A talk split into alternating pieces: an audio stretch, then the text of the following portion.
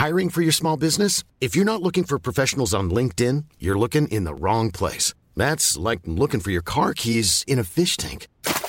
LinkedIn helps you hire professionals you can't find anywhere else, even those who aren't actively searching for a new job but might be open to the perfect role. In a given month, over 70% of LinkedIn users don't even visit other leading job sites. So start looking in the right place. With LinkedIn, you can hire professionals like a professional. Post your free job on linkedin.com slash people today. Cool fact a crocodile can't stick out its tongue. Also, you can get health insurance for a month or just under a year in some states. United Healthcare short term insurance plans, underwritten by Golden Rule Insurance Company, offer flexible, budget friendly coverage for you. Learn more at uh1.com. Millions of people have lost weight with personalized plans from Noom, like Evan, who can't stand salads and still lost 50 pounds. Salads, generally, for most people, are the easy button, right? For me, that wasn't an option. I never really was a salad guy. That's just not who I am. But Noom worked for me. Get your personalized plan today at Noom.com. Real Noom user compensated to provide their story. In four weeks, the typical Noom user can expect to lose one to two pounds per week. Individual results may vary.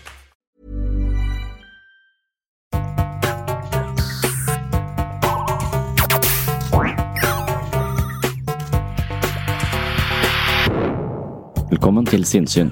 Jeg heter Sondre Risom Livre, er psykolog, og dette er Webpsykologens podkast. Hverdagspsykologi for fagfolk og folk flest.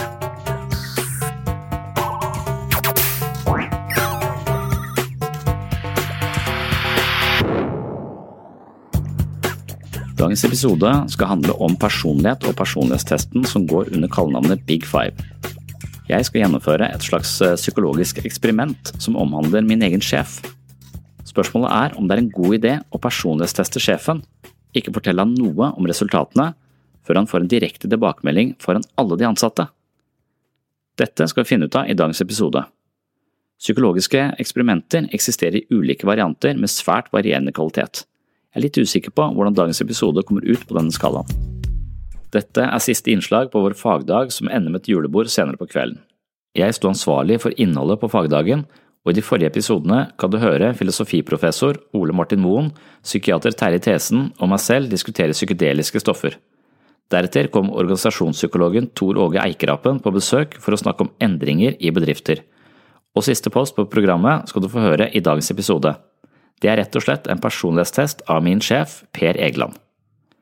Selv om man ikke kjenner Per, kan det likevel være lærerikt, underholdende og interessant å høre en tilbakemelding på den såkalte Big Five personlighetstesten. Per har svart på over 100 spørsmål, og nå skal han få dommen foran alle sine ansatte. Det er virkelig ikke alle sjefer som hadde gått med på dette, men Per Egeland er heller ingen vanlig sjef, noe du kommer til å få innblikk i den neste timen. Men hva er egentlig en personlighetstest? I dagens episode drar vi veksel på den såkalte femfaktormodellen, populært kjent som Big Five. Den består av fem hovedfasetter og en rekke underfasetter, og dette utgjør en taksonomi som tar sikte på å dekke de fleste aspekter av personligheten. De fem hovedfaktorene er åpenhet for nye erfaringer, planmessighet og kontroll, ekstroversjon, som handler om hvor utadvendt man er, medmenneskelighet og nevrotisisme, som handler om følelsesmessig stabilitet eller graden av negative følelser. Per er flink til å sette meg fast, og han er flink til å sno seg unna de fleste konfrontasjoner. Jeg liker min sjef utrolig godt, og det er derfor jeg synes det er forsvarlig å la ham gjennomgå en personlighetstest for åpen scene. At jeg både har respekt og tillit til Per, håper jeg skinner igjennom, og jeg håper at lytterne av sinnssyn også kan lære noe nytt om menneskets indre liv når Tor Åge Eikrapen og jeg utreder og personlighetstester Per Egeland live på Hotell Norge i Kristiansand sentrum 7. desember 2018. Ja, så, så, siste del av programmet, det var min på en måte nærmeste sjef, er kanskje Marianne. Og så sa jeg hva jeg tenkte. Jeg tenkte at hva om vi gjør en sånn personlighetstest av Per? Og, og da sa han morsom idé, for aldri til. Det kommer han aldri til å si ja til. Og så tenkte jeg at nei, jeg gjør ikke det, men så har han gjort det. Og jeg vet ikke, Det krevdes ikke så veldig mye overtaling heller, eh, følte jeg. Han mumla et eller annet. Jeg tenkte det tar jeg som et ja, så nå er det eh, Som var motforestillingen av mumla, eller, eller hva det var, det er jeg litt usikker på. Men eh, nå skal vi i hvert fall få en vet ikke om noen av dere har hørt den podkasten Harald Eia eh, og Nils Brenna som heter Big Five. De personlighetstester jo eh, folk og for å komme litt eh, i, i dybden. Og jeg mener at det er litt viktig å vite litt, eller komme litt i dybden på sin egen sjef. Eh, Så det blir siste, siste time nå, at vi skal gå gjennom Per sin eh, personlighetstest. Du har svart på hvor mange spørsmål er det? Er det 128 eller noe sånt? 128 spørsmål ja, på sju minutter. Eh, og så dårlig brukt. Eh, det er nesten rekord. Eh, så det blir spennende. Eh, nå, skal, nå skal vi gå gjennom. Du vet ingenting om resultatene. De skal du få nå. Eh, så, og da tenker jeg Tor du kan si litt om eh, denne modellen før vi starter. Ja. Eh, alle hører meg godt og tydelig der ute? Ja, fint. Big Five-modellen. Det er viktig å si at det er én av flere modeller for å forstå personlighet. Det finnes altså mange modeller, men, men den er nok den mest kjente og mest anerkjente, vil jeg påstå. Og eh, Ideen er altså, som jeg sa i stad, vi har fem store personlighetstrekk. Alle sammen. Ingen slipper unna. Du kunne sikkert hørt at noen har veldig mye personlighet. Det er liksom ikke plass til de i samme rom. Det er én må gå ut. Det er liksom mer sånn det er i samme rom, men nå må én gå ut. Det er ikke plass til alle personlighetene. Men vi har alle samme personlighet, og ideen er at vi scorer da et sted mellom 20 og 80, altså noen tall. Så alle vil score et sted mellom 20 og 80 på de ulike personlighetsfaktorene. Men for å gjøre det enda mer komplisert, så er det sånn at under hver av de her såkalte faktorene så ligger det seks fasetter. Som er altså enda mer spesifikke egenskaper. Og det du ser her oppe, det er gjennomsnittet av de seks fasettene. Altså resultatet på hver av de delt på seks. Så det her oppe det er altså en samlekategori for de seks fasettene som ligger under der, som er mer spesifikke. Og det er noe som kalles normalområde. Der vil vi alle være. Deilig å være normal. Normalområdet ligger mellom 40 og 60. Så hvis du er over, scorer over 60 på et personlighetstrekk, så er du jo lenger mot 80 du kommer, jo færre i befolkninga er det som har det samme egenskapen. Så hvis du er innenfor normalområdet, så er det vel innenfor det ca. 50% av befolkninga har. Jeg er ikke så veldig god på de her uh, men det er, men det er ca. noe sånn. Hvis du er da på f.eks. 79 på noe, så vil du si at det er veldig få andre som scorer det samme. Da er du et uh, celebert, eksklusivt uh, selskap. Men selv om du stort sett er på midten, så kan det være at du har noen personlighetstrekk der du skyter litt høyere eller litt lavere. Og det første personlighetstrekket det er det som nå for tida kalles følelsesmessig instabilitet. Høres ut som en diagnose. Det er det altså ikke. Før het det nevrotisisme. Det er jo enda verre. Men det handler altså om hvor følsom er du på stress. Hvordan reagerer du under stress? Og i hvilken grad er du lett for å tenke litt negative tanker. Og Noen vil jo ha perioder i livet sitt der de scorer veldig høyt fordi at de er i en situasjon og i en livsfase. Men, og Da kan denne målinga bli litt feil. Men det denne testen prøver å tappe, det er jo din preferanse sånn generelt. Og så er jo vi mennesker fleksible i ulike roller og situasjoner. Men det denne testen prøver å fortelle om, det er sånn, sånn generelt sett, sånn gjennomsnittlig. Hvilken vei er det du vil gå? Det neste det er jo den personlighetstrekket som heter ekstroversjon. Hvis du er veldig høy på ekstroversjon, så vil du elske sånne settinger som dette her. Masse folk. Nydelig, altså. Og så, gøy med de der figurene som var på scenen her. Det var morsomt! Og de som er høye på ekstroversjon, de vil òg ha veldig lett for å sette ord på positive følelser. Så fint det var! Så nydelig! Og så du! Hæ? Åh, herlig! Og all den der narkotikaen!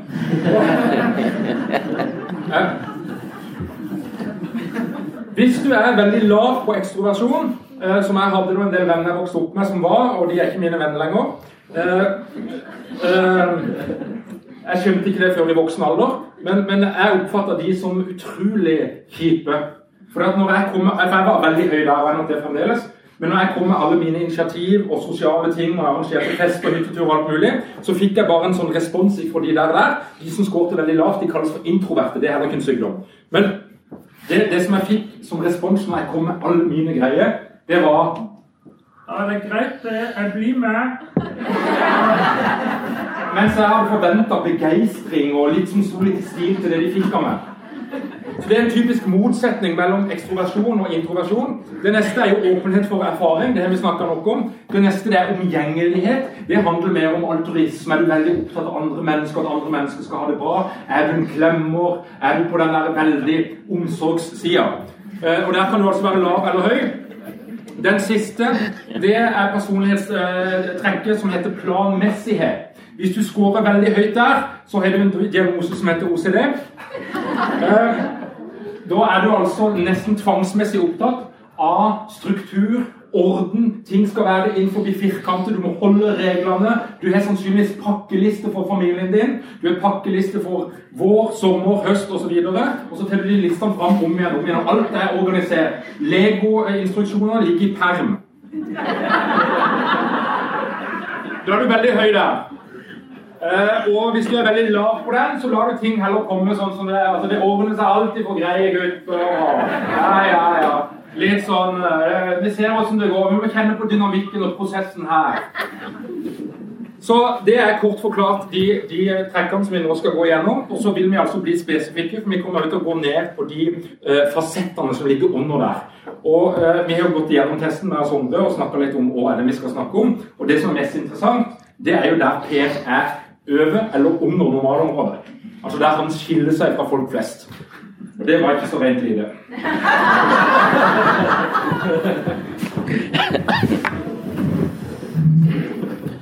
Og eh, Per, nå eh, skal vi begynne med, med den eh, eh det trekket som, som, er helt på starten av det som heter følelsesmessig instabilitet. Det handler altså om eh, så, litt sårbarhet i forhold til engstelse, eh, fiendtlighet, altså det å reagere litt aggressivt på andre, eh, depresjon, selvbevissthet. Og Selvbevissthet handler altså om i hvilken grad tenker jeg på Jeg er veldig opptatt av andres reaksjon på meg, og hvordan de ser meg. Eh, og impulsivitet og sårbarhet. Det er de fasettene som ligger under personlighetstrekket følelsesmessig instabilitet. Kan ikke jeg få et ark? Nei, det kan du faktisk ikke.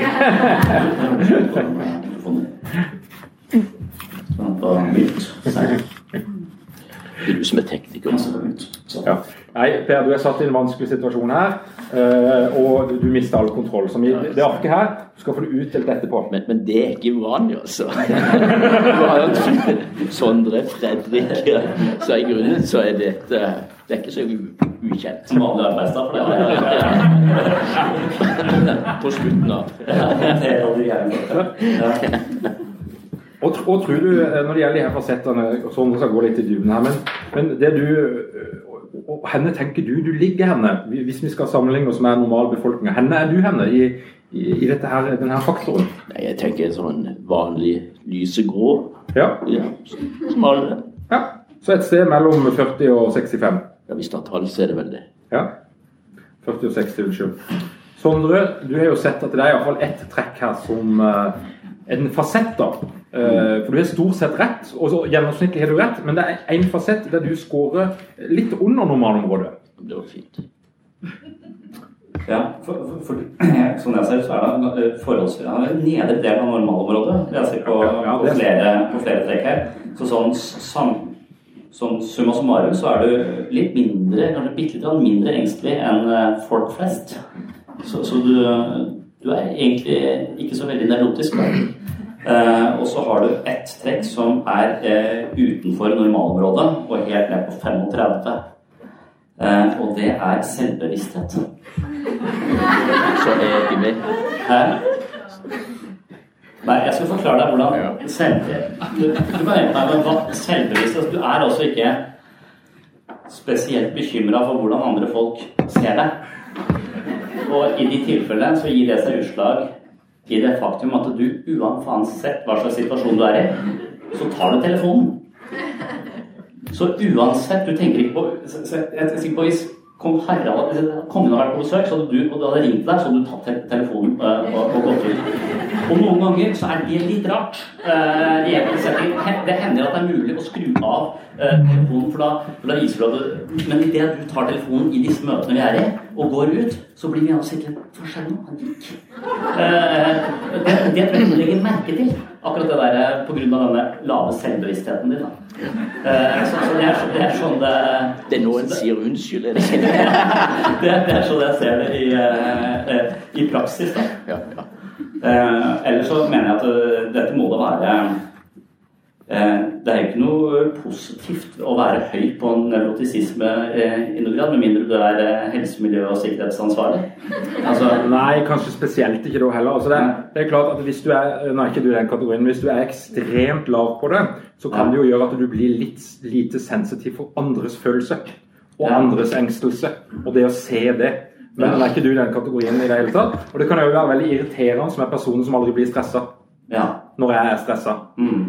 Så det er det eneste. Men ellers vil jeg si en sånn type rolle og så, videre, så, så er jo det å, å ligge sånn cirka der, jeg vil nok påstå at langt på vei er en god ting. ja. Men akkurat det med telefonene burde jo være mulig å gjøre noe med. Nei. Du veit hvor vanskelig det er med sånne telefonting? Det, det, ja, og det en skal være klar over, det er at eh, jeg er veldig opptatt av anerkjennelse, vårt behov for anerkjennelse og vår frykt for å bli avvist. Og det å ha veldig mye fokus på telefonen er jo en avvisning. Altså du sender ut et signal om at telefonen er viktigere enn du, du, du, du. Men, men her er du kanskje ikke blitt vant til det, så det er ikke sånn det fungerer. Jeg vet ikke. Nei. Ja, men vi føler oss av og til mindre viktige enn eh, telefonen hans. Ja. Ofte er det jo telefonselgere som ringer. Ja, nå har vi fått sånn ny mobil. Først hadde den bare sånn der gammeldags, sånn som du viste ja, de, de første variantene. Ja, det må jo utnyttes det Ja. du har gått fram i utvikling og sånt. Ja. Og så er det helt riktig dette med telefonliste og ringeliste. Ja.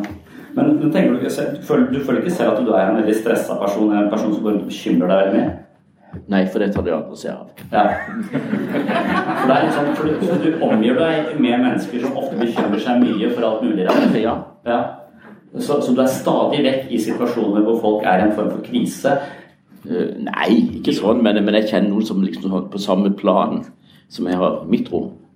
Ja. Så er det noen som har en sånn greie på Blir engstelig og gir uttrykk for det og sånt. Jeg vet ikke om du kjenner igjen det.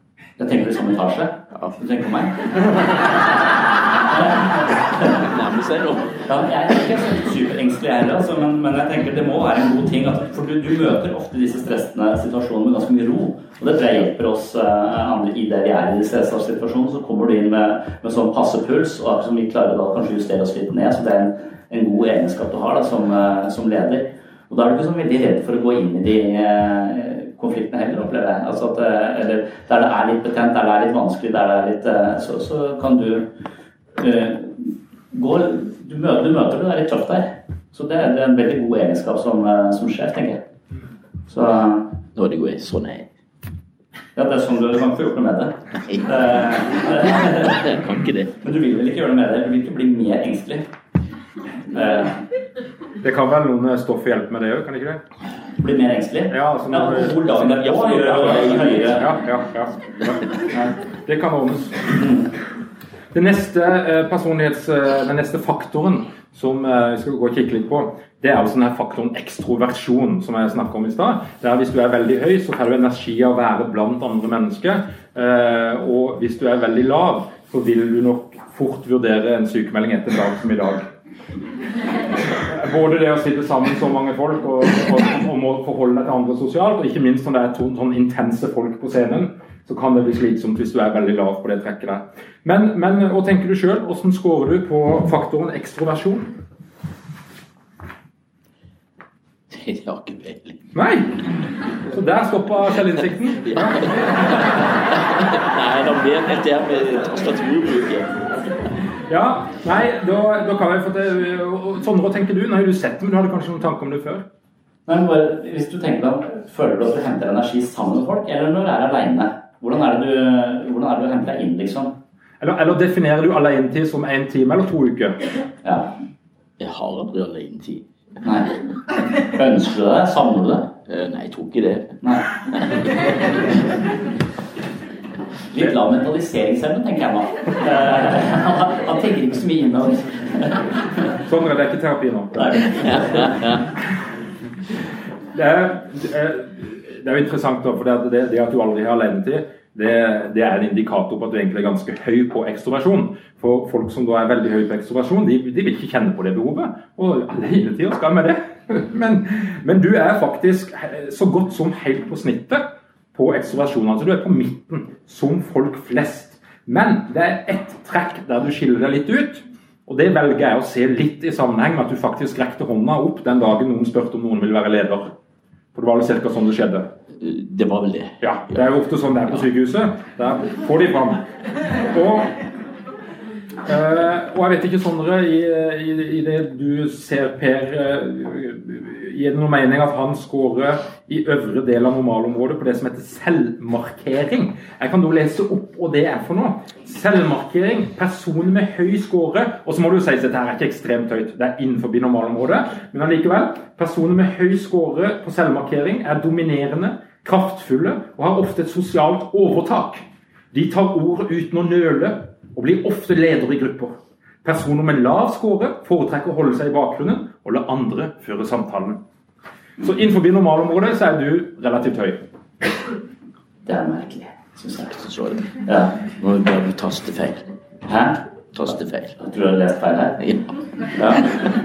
Nei, men det er, eh, det er jo noe med det, for jeg Ja. Det er jo idet du tar telefonen Ja. og, og vi sitter der i det møtet, så stopper jo liksom møtet litt. Altså Vi kommer liksom ikke videre når det har gått. da. Så, så vi sitter der og stirrer på hverandre. Det er altså som at du, du driver det litt videre. Så, så, selv om du på en måte prøver å gjøre det usynlig og stikker av og sitter bakerst og sånn hele tiden, så har du likevel en eller annen sånn derre aura av eh, ja, market, du, du, Man merker at du er i rommet likevel. Du blir ikke usynlig. Uh, og det er så, så, jeg kan forstå den, uh, men, men uh, på en litt sånn litt skjult måte. Det er ikke tydelig for meg hvordan du markerer deg så tydelig, eller hvorfor du får en så sentral rolle, sannsynligvis fordi det er sjef. da. Men vi burde klart bare kjøre det møtet videre selv om du går. Uh, men vi får ikke alltid det til. Så, så, det er noe, noe der. det, er det manglende kreativitet hos de resterende? Eh, da, så, nå prøver du å skylde på oss? Jeg bare spør. spørre. Dette er ikke en medarbeidersamtale. Ja, det er Marianne som tar den, så det er greit. Vi beveger oss videre eh, på den faktoren som har fått litt oppmerksomhet, som altså heter åpenhet for erfaring. Det handler om i hvilken grad du er åpen for å tenke nye tanker. Det kan være fantasi og dagdrømming. Eh, det kan være åpenhet når det knytter seg estetikk, altså kunst, musikk, den type inntrykk.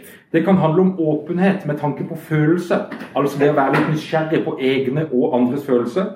Det kan handle om åpenhet med tanke på handlinger og gjøre nye ting. Det kan òg handle om åpenhet når det gjelder ideer og nye måter å tenke på på litt sånn filosofisk vis, eller verdier. Og Per, hvor tenker du at du befinner deg når det gjelder åpenhet for erfaring? Nei, det beste jeg kan gjøre da, det er å sitere Marianne. For hun sier at hvis jeg finner på med noe mer nå, så blir det problematisk for meg. Ja. Så Så, så som jeg andre også, har hun en idé om Marianne, det er du sitter der. Hun sitter der, ja. Mm. Og hun, hun, har, eh, hun har litt styr på hvem du er. Eh, Ja, vi prøver sånn som et gruppearbeid. Ja, ja, ja. Flott. Ja. Men, men Sondre, henne kjenner du Per når det gjelder den eh, faktoren der? Åpenhet for erfaring. Jo, jeg syns Selv om du liksom ser på meg eh, jeg, jeg tror selv at jeg er veldig sånn interessert i ideer. Jeg har nok åpenhet for, eh, for ideer. Og så er jeg litt lukka på andre områder. Men eh, når jeg fantaserer om ting og spiller ut ideer, så, så, så plukker du de opp. Uh, altså du, du, kan følge de, og du, du følger de sammen. Så vi kan godt ha veldig ganske, ganske interessante diskusjoner som går i, uh, i retning, litt far out retninger. Uh, og Det er en grunn til at jeg får lov til å ha en halv dag om psykedeliske stoffer. Ja ja. Det er han som bestemmer det. så, så jeg syns det gir mening her at du er en bitte litt høy på fantasi og estetikk. Og litt høy på, på ideer.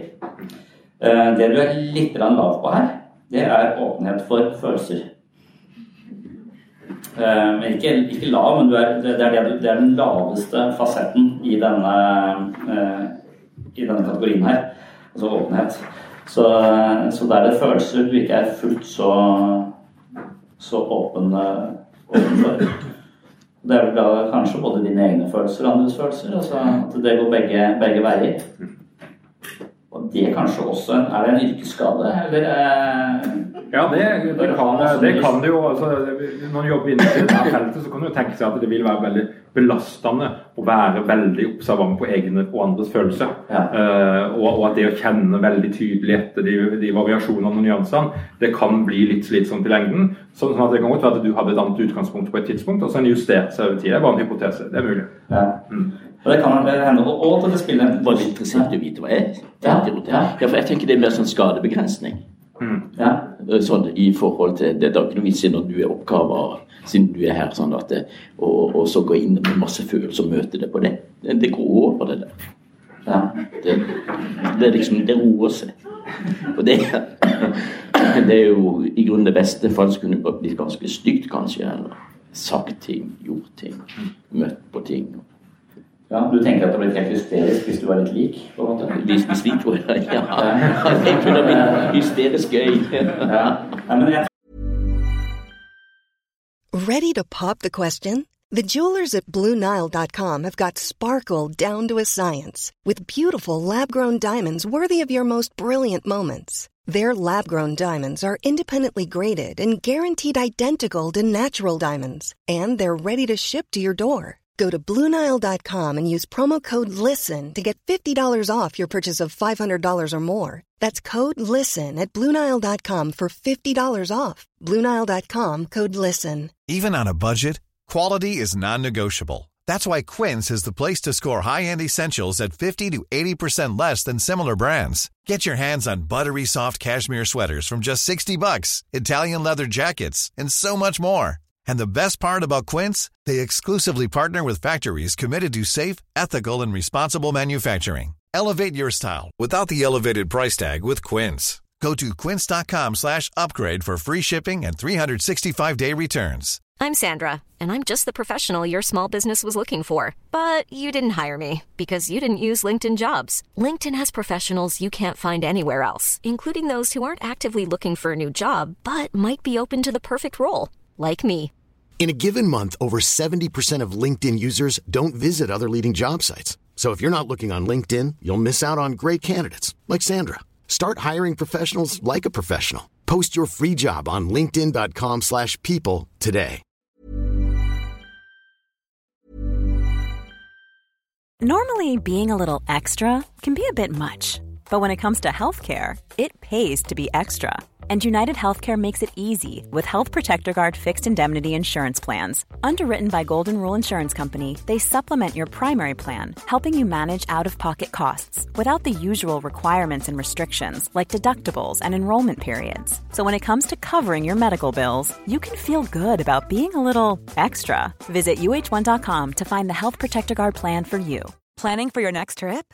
Elevate your travel style with Quince. Quince has all the jet setting essentials you'll want for your next getaway, like European linen, premium luggage options, buttery soft Italian leather bags, and so much more. And is all priced at 50 to 80% less than similar brands.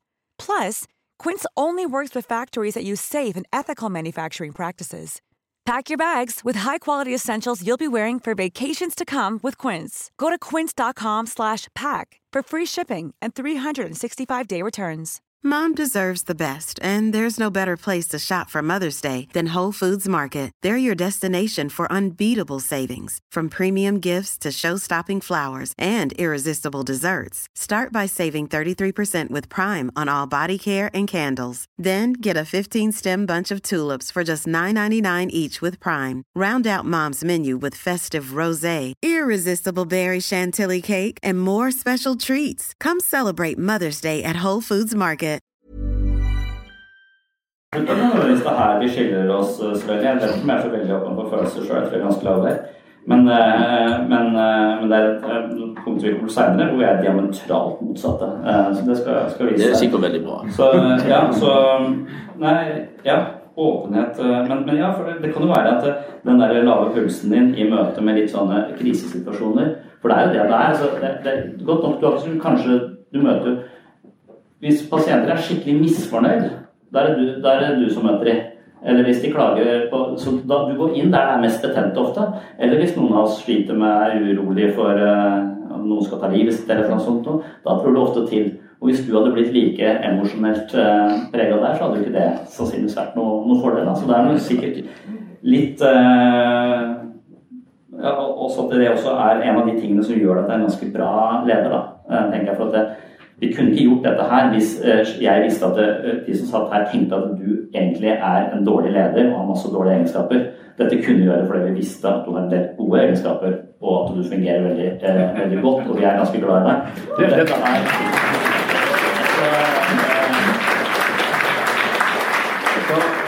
dette her er altså en omvendt medarbeidersamtale. men, men, men, bare en liten sånn uh, fortsettelse av det du sier, for dette var ganske artig å si det her og høre din utdypning av Fredrik så over dette systemet som er så ille, og alt det som er påtvunget og sånt. Men det er veldig mye, eller jeg har merket at jeg snakker veldig mye om det over oss. Altså utenfor Solvang, men det er jo det samme som gjelder hos oss også. Bare sånn Nå er det medarbeidersamtale igjen. Ja. Ja, jeg, vet du hva, jeg oppfatter deg som en sånn der, eh, litt sånn programforplikta til å gjøre det de sier, men egentlig så er du enig med meg. Sånn tenker jeg. Da du strekker noe veldig langt, altså. Men hvis Og dette her blir tatt opp på lydbånd, og det blir Og hvis de gir fred, så er det helt ok. Dette her blir sendt opp til styret igjen. Så. Ja, det er helt fint. Jeg venter på den store sluttpakka. Da tror jeg du kan slå deg sammen med han.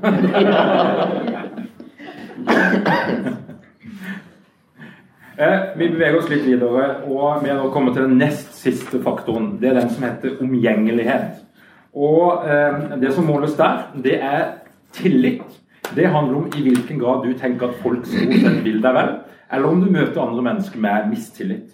Det handler òg om i hvilken grad du er rett fram. Dvs. Si om du sier hva du mener uansett, eller om du gjør noen vurderinger om det er smart å fortelle ting på den måten eller den måten, og kan av og til holde litt tilbake hvis du tenker at det er strategisk riktig. Og Da har du sikkert skjønt at Sondre i løpet av denne dagen viser at han kanskje ikke er helt på den siste beskrivelsen der. Og eh, det som òg måles, det er altruisme. Altså din vilje til å gi til andre og være der for andre og være opptatt av andres behov. Føyelighet, i hvilken grad du bøyer av når folk mener noe annet enn deg, eller om du stender hardt på dine krav uansett hva som blir sagt. Og så er det eh, fasetten beskjedenhet. Den taler kanskje litt for seg sjøl. Og den siste følsomhet knytta til andre mennesker. Og eh, her totalt sett så scorer du nesten på midten. Bitte litt lavere enn helt snittet, men, men, det er ganske på midten. Men når en dykker litt mer inn i fasettene, så er det et litt større bilde som, eh, som tegner seg ut. Mm. Og Det som kanskje er noe, noe, interessant der, det er jo på tillit så er du helt på snittet, så det er supert, det.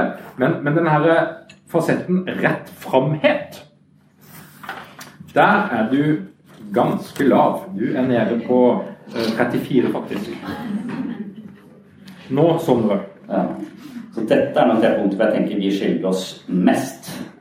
Altså det å være rett frem. Eh, og det å si ting sånn som vi, eh, vi mener det.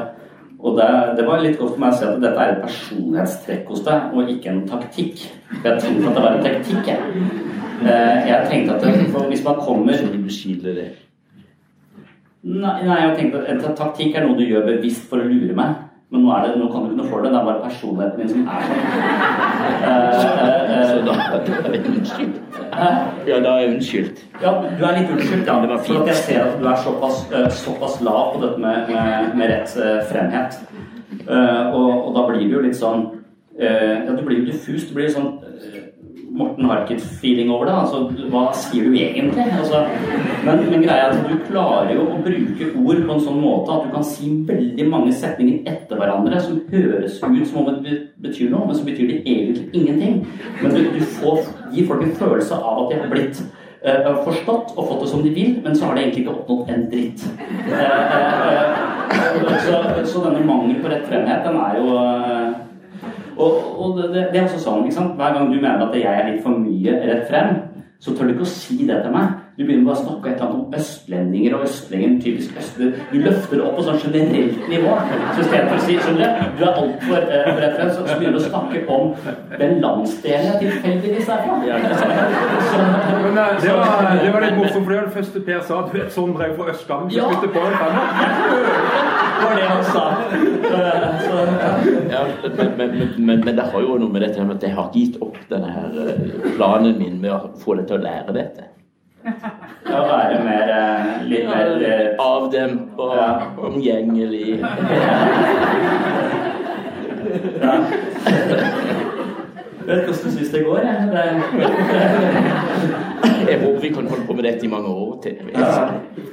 Det, det er jo, for å ta litt videre, så er det jo da en veldig interessant sak. og Det, denne, det er litt gøy, for der, der skal vi alle være så veldig høye, liksom, og spesielt nå før jul. Men det er da fasetten altruisme. Eh, og det eh, handler jo om det å være veldig opptatt av andres velvære, at andre skal ha det bra osv. Hvordan tenker du sjøl at du ligger an der? Nei, sånn midt på treet. Ja, du ligger faktisk eh, under midt på treet. Du ligger på, på 39, som da er rett, rett under normalområdet. Så da begynner det å bli en, litt mindre, en litt mindre fest for de som er der. Litt færre folk. Men, men eh, det det stender her, da, det er jo personer som skårer lavt på denne fasetten, er noe mer selvsentrert og vegrer seg for å bli involvert i andres problemer. Sondre, hva er det du ser i, i det daglige? ja. Jeg er jo litt flinkere til på hva jeg skulle si om akkurat det der. eh, Men eh, det er Altså, jeg lurer på om Hvis du spør de her om eh, altruisme, altså om, om du, de opplever at Per er opptatt av deres ve og vel, så vil eh, de jeg har spurt om det, de vil svare et rungende ja eh, på det. Så jeg tror hvis du har trøbbel, så tror jeg du, kan, så tror jeg du vil oppleve at Per stiller opp for deg uansett. Så det er litt en slags trygghet eh, i det. Og det at du har så lav på den altruismen, gjør at jeg blir litt sånn Faker han det, da? Eller hva? Eh, Men, men kan Jeg lurer på Hvis jeg skal forsvare det, da, kan det være det som eh, det som han kanskje har, som jeg har vært opptatt av, en form for rasjonell empati. Altså han, er ikke nødvendigvis er så følelsesmessig involvert, og det gir seg utslag her, men han er opptatt av oss, men han har en rasjonell empati som ikke overtar problemet. Han holder en passende distanse som gjør at han faktisk kan holde lav puls og hjelpe oss i den situasjonen, i stedet for å være helt eh, for tett på. da. Så at han, eh, han har denne, denne distansen. For jeg vil også oppleve at hvis jeg hadde hatt eh, vanskeligheter, så hadde jeg hatt noen problemer med å gå dit. Jeg vet at jeg blir godt ivaretatt. Det er min eh, opplevelse. Og vi har hatt, jeg kjenner flere nå nært på meg i dette kollegiet her sånn, som, har, som har hatt uh, visse utfordringer innimellom. Og da er dette med at Per stiller opp uh, ganske tydelig. Vi har også hatt en veldig tragisk tilfelle akkurat, hvor, uh, hvor jeg syns det har opptrådt eksemplarisk. Hvor det har vært eh, ja. Så, så jeg, jeg har lurt litt på det, men jeg lurer på om han, han Jeg føler han bryr seg veldig, men han har den passe distansen som skal til for en sjef. altså. Så, Det, det, det var veldig godt formulert. og jeg tenker nok at det er, også er det noe med det spesifikke, altså når, det er en relasjon, og så er det noe med det mer sånn på gjennomsnitt å bry seg vanvittig om alt i verden, engasjere deg i alle, alle aksjoner her og der. Mm. Og så tror jeg at hvis du scorer ekstremt høyt der, og du har den type jobb, så blir du utbrent. Det er garantert. Mm. Og da kommer du til å bli helt på motsatt side. Ja, ja det, det kan hende at han, det er noen ganger jeg føler har veldig spennende prosjekter som jeg syns han virker som han ikke bryr seg så mye om. Så han, han holder litt den avstand der også. sånn at han, eh, Men eh, så ja, ja. Hold, gjør, gjør det fint, og så uten at han er så at jeg føler den entusiasmen jeg hadde forventa. Mm, så blir det litt Den må du få andre steder ifra. Ja. Den, den eh, neste som, er litt, eh, som er litt interessant, og der du er faktisk uh, veldig høy, du er, du er på, på 68. Uh, så det er, det er jo en ganske liten fest med den gjengen der. Og det er um, fasetten beskjedenhet. Der er du høy. Og det som stender her, hvis vi skal, skal lese på beskjedenhet Personer med høy skår på denne fasetten er ydmyke og beskjedne, men har ikke nødvendigvis dårlig selvtillit eller manglende selvfølelse. Personer med lav score mener ofte at de er bedre enn andre, og kan iblant oppfattes som både selvopptatte og arrogante. En patologisk mangel på beskjedenhet inngår i den kliniske forståelsen av narsissisme. Du er altså på motsatt ende av skalaen. bare sånn. Ja, hva tenker du om det? Du er veldig høy på beskjedenhet. Eller hva tenker du om meg? For det er veldig lav. Du er, du er bare østlending. Da er du liksom samla inn det. Men det er jo selvfølgelig, det høres ut som en positiv ting da, å være så veldig beskjeden, men når du har så lite rettfremhet og så innmari beskjeden, så er det jo bare ei tåke. Helt umulig å få tak på det. Eller sånn hvor Hva er Litt sånn Det er jo et det blir ikke så mye hold da, føler jeg. Og det er vel litt den opplevelsen man har hvis man eh, skal ha et eller annet sånn rett ha, ha virkelig fatt på noe, så føler jeg alltid at jeg må holde deg fast og liksom stille deg ja- og nei-spørsmål. Bare ja eller nei. Du får ikke lov til å si noe annet enn ja eller nei. Sånn at jeg finner deg. Hvor er du hen i dette, i dette her? Så da bruker jeg min rettfremhet og tvinger frem en rettfremhet eh, i deg. Men det pleier sjelden å klare. Av disse faktorene her, sannsynligvis. Skal, skal, altså jeg syns jo det at eh, for, min del er jeg jo veldig heldig som er sjef for denne gjengen her. Og det du opplever sånn at eh, du ikke får svar, det, det, det er en taktikk. Eller det er jo ikke det. Men dere, dere sier jo at dere er høyt skolerte, tenker godt og vil ha kjappe svar. Men du, det, det er jo dette her å gå hjem og tenke sjøl, komme fram til løsning. Altså, Det er ikke noe bedre løsning enn det du f.eks. holder på med akkurat i øyeblikket. Så det, det, det er liksom dette her med hvordan møte Ja. Og da Ja. Det skjønner jeg, det er helt enig i. For, at, for jeg tenker du er en veldig god sjef for veldig selvstendige mennesker. Ja, men det er jo det. Ja. Så, Eh, så- Til og Helse Sør-Øst greier jo ikke å få styr på det. Ja, for, for Hvis du hadde bestemt veldig masse over, over meg og Fredrik, så hadde vi gått helt ille med oss. Så, så det at du har denne diffuse taktikken, hvor han styrer oss i det skjulte, men får oss nettopp til å tro at vi har bestemt alt selv, det er jo helt genialt i forhold til sånne typer som meg. da. Men hvis jeg hadde vært veldig nervøs og trengte noen som bestemte alt, og likte at eh, folk bestemte så jeg slapp å ta ansvar selv, så hadde det kanskje vært litt mer vanskelig. Men det går jo an å få til det. Du Hvis du trengte det. Du mener du Ja, jeg trenger ikke det, men jeg tenker kanskje det er noen andre som, eh, eh, som, som trenger det. Ja, så Nei, det er noe med sånn greie. Hæ? Vil du si hvem? Nei, det er taushetsplikt, vet du. Selv om vi legger dette ut på YouTube.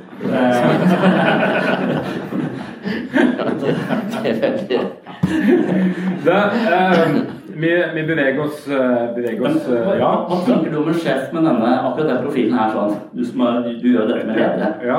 Har du sett dette før? Nei, han er eh, Den er litt ut forbi løypa, ja. Nå, nå, finnes det ikke en sånn der ensidig lederprofil, men akkurat den så høy på beskjedenhet og så lav på rettframhet spesielt, den, eh, er en sjelden profil, da, kan vi si det sånn? Ja. Og da er vi jo inne i den neste. eh, den er jo interessant eh, sånn sett, for der er det i hvert fall mange ledere, og så tror jeg ikke nødvendigvis det er en god egenskap, men det er ganske mange som scorer litt vel høyt der på det her neste, som da er planmessighet. Det handler altså om eh, opplevelse av egen kompetanse, eh, altså å tenke at jeg er kompetent i den rollen jeg har.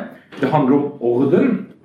Det handler om plikt, troskap og lojalitet til regler og det som måtte være. Det handler om prestasjonsdreven. Selvdisiplin, som jo er evnen til å gjøre de tingene som du kanskje helst ikke vil gjøre, og la være å gjøre de tingene som du har mest lyst til å gjøre. Og den siste er altså betenksomhet, som handler om å tenke seg om før du tar beslutning og hopper inn i ting. Og da kan jeg jo si at generelt her så er du totalt på snittet. Mange ledere pleier å ligge ganske godt over snittet. bare sånn at det er sagt, og De skal løpe Birken og gjøre all mulig slags prestasjonsgreier. Komme fra Forsvaret og ditt og datt. Men det virker som du har ikke noen sånne issues der. Du syns ikke ser ut ser ut som en løpebiken, eller? Det er det du sier? Det sa jeg, det sa jeg ingenting om. Um, uh, Sondre, er det, er det, er det uh, noe her som du, du reagerer spesielt på? Det er jo noen, uh, det er et par ting her som uh, et par fasetter som er relativt lave, altså i nedre del av normale målet, så er det to fasetter som er litt lenger oppe. Mm. Nei Du ligger bitte litt eh, Du ligger på 44 på kompetanse. Altså opplevelse av egen kompetanse. Eh, du har kompetanse på noe helt annet enn meg, så jeg er litt fascinert av kompetansen din. Men på den annen side så er du ikke så god på å formidle den kompetansen. Når vi sitter i disse møtene og driver og leser opp disse økonomigreiene og sånn, så skjønner jeg ikke en dritt. Og så lurer jeg på om du egentlig skjønner det, eller om du bare snakker litt fort. For å komme så, så det er ingen som egentlig skjønner det der inne, men uh, det er ikke helt, uh, helt Det er en del av prosedyren. Det er en del av prosedyrene. Og Så er du, så er du snev av touch. Du er ganske, du er ganske høy på orden, da, eller øvre del av normalområdet på orden. Og det opplever jeg at du har god orden på ting. Du veit mye. Det virker som du har styr på den skuta, liksom. Det, det føler jeg. Det syns jeg også er ganske fascinerende.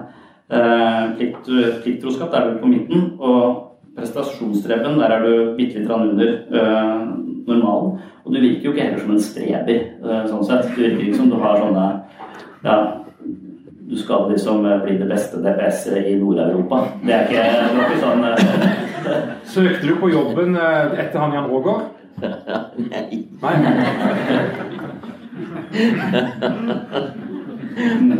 Unnskyld. Det, det du, Litt lav på betenksomhet. altså. Ja. ja, litt, og det tenker jeg det med lav på betenksomhet det er den siste fasetten her. Og det handler om dette her med å tenke seg om og tenke grundig gjennom konsekvenser. Og når jeg da ser at du har skjenka en hel dag til Sondre, ja, det var ikke så lurte jeg litt sånn på hvor mye tenkte du deg om der? Nei, men det er, ikke, det er ikke mitt ansvar, det. altså. Det er han som har mast til. Det som sånn jeg presenterte det. Jeg følte det var et møte hvor ingen rakk opp handa. Jeg var den eneste som rakk opp handa. Du har snakka om at dette hadde vært gøy å gjøre på dette viset i iallfall i to omganger. Ja. Og så siden vi ikke hadde så mye sånn prosedyregreier og sånn så Ja, jeg snakket først om at det hadde vært gøy å se på fordeler med rusmidler, og da tok det et seminar som handla om at rus er kjipt. Eh, da kom jeg ikke. Så, eh, så, ja. ja det, du har Vi får se hva det blir neste gang. Men, ja. men, eh, men eh, uansett så tenker jeg at eh, i, i en del sammenhenger nå, så kan jo nettopp det med å ikke være sånn altså, det, det, Hoppe litt i ting da, det kan jo fungere veldig bra. Og det, det har du jo gjort i dag, er det ikke det? Ja, ja. Ja, så, så en, en del av de tingene som, eh, som, som jeg tenker eh, Det som du sier at det, ved å gi Du gir jo folk frihet. Den friheten som vi i stad sa vi manglet, den, den, den får jeg på en måte av deg, føler jeg. Så, så om systemet der oppe vi føler oss eh, kvelt der, så føler jeg likevel at jeg har et, et stort rom pga. at du er sjef. Og det setter jo jeg veldig, eh, veldig pris på. så jeg vet ikke, Det er kanskje litt lite betenksomhet fra din side også. At bare, at det, det er veldig sjelden jeg får et uh, tydelig nei av deg. Men det er fordi du ikke har evnen til rettferdighet. da. Men, uh, så, så hvis jeg da får et nei, så er det pakka inn eh, så lenge at jeg ikke skjønner at det er et nei for flere uker seinere. men, eh, men veldig ofte så sier du jo eh, ja, eller er positiv til alle initiativ som kommer. Så du er ikke noen festbrems, sånn sett. Eh, Så, og det kan hende at du ikke da tenker deg så veldig om, men tenker at det er sikkert gøy. Eh, Og det skaper jo nye ting, og det gir rom for eh, vekst og utvikling. Eh, Og det er en av de tingene som gjør at jeg sannsynligvis trives veldig godt da, i jobben min, siden jeg ble spurt om i stad. Det blir nok en endring nå. Ja, hvor pakkeforløpene kommer. Nei, jeg etter dette tenker jeg. For jeg har jo evne til å endre. Iallfall på sterk oppfordring. Ja, men du kommer til å si det på så utydelig måte at jeg ikke skjønner det. Så, eh, så jeg kommer bare til å fortsette som før likevel. Så, Det gjør vi uansett her ut ifra. Spørsmålet er jo hvor mye krefter en skal legge ned i det der. Men det får vi ta i løpet til neste år. Vel egentlig eh, eh, slutten. Eh, Denne her testen kan lastes ned som PDF sammen med videoopptaket og lydopptaket. Så lenge varte taushetsplikten. Ja, det siste var tull, det må du finne ut av. Mm. Vær så god. Ja, hva skal jeg bruke den? Ja, det får du finne ut av.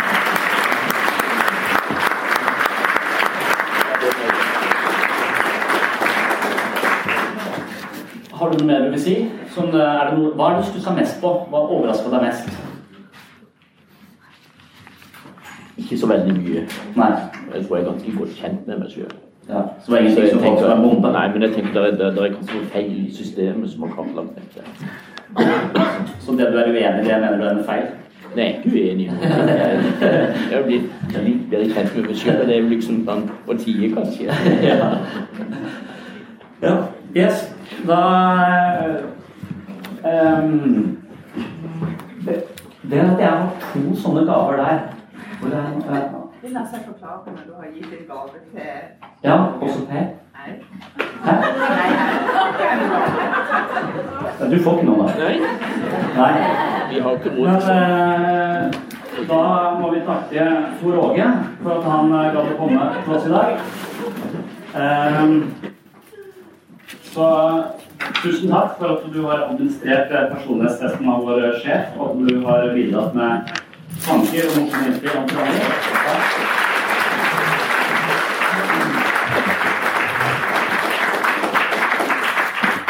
Og det da er, det, da er vi ferdig litt før tida. Det kan egentlig være fint. Så da kan, eh, Jeg håper noen spanderer noe øl på Per, for han fortjener jo altså stått i dette her og sagt ja og sånn. Så jeg håper at det kommer noe til han etter det. Ja, kommer du ikke? Du kommer i kveld? Det vil tiden vise. Så rett fram her, Vet du, Nå nå må jeg hjem og se på det. Når er det begynner eh, i kveld? Og så kan det være at ikke vi er venner lenger.